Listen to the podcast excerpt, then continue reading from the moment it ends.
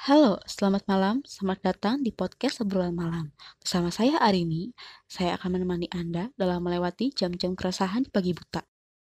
Seringkali kita dibuat terjaga di pagi buta akibat ingatan lama yang meminta diingat, atau kegagalan terkubur dalam-dalam, akhirnya menampakkan secara paksa.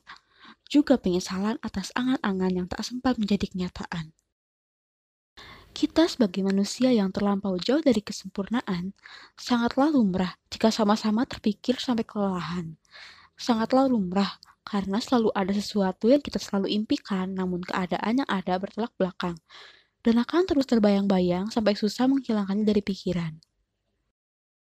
Dari sederhana mengapa tak sempat membeli barang yang keburu kehabisan stoknya, hingga keruwetan mengapa tak sempat menekuni hobi sedini mungkin, sampai akhirnya merasa tertinggal jauh dari teman sebaya.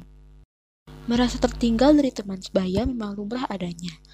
Namun, pernahkah terpikir manusia hidup di laju mereka sendiri? Setiap orang memiliki kisah yang berbeda. Kisah yang dimiliki masing-masing itulah yang membentuk mereka sampai sekarang ini.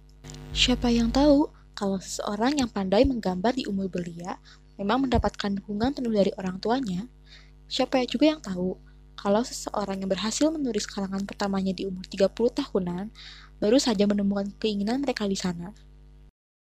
Mungkin dengan lebih menerima bahwa kita hidup dengan berbeda, memiliki laju yang berbeda, dan garis akhir yang akan berbeda, kita juga akan menerima bahwa kebiasaan selalu membandingkan diri dengan yang lain tidak baik jika terus-terus dilakukan. Mengakhiri obrolan malam kita kali ini, saya ucapkan terima kasih jika Anda sudah mendengarkan hingga habis. Selamat malam, selamat beristirahat, sampai jumpa di obrolan malam selanjutnya.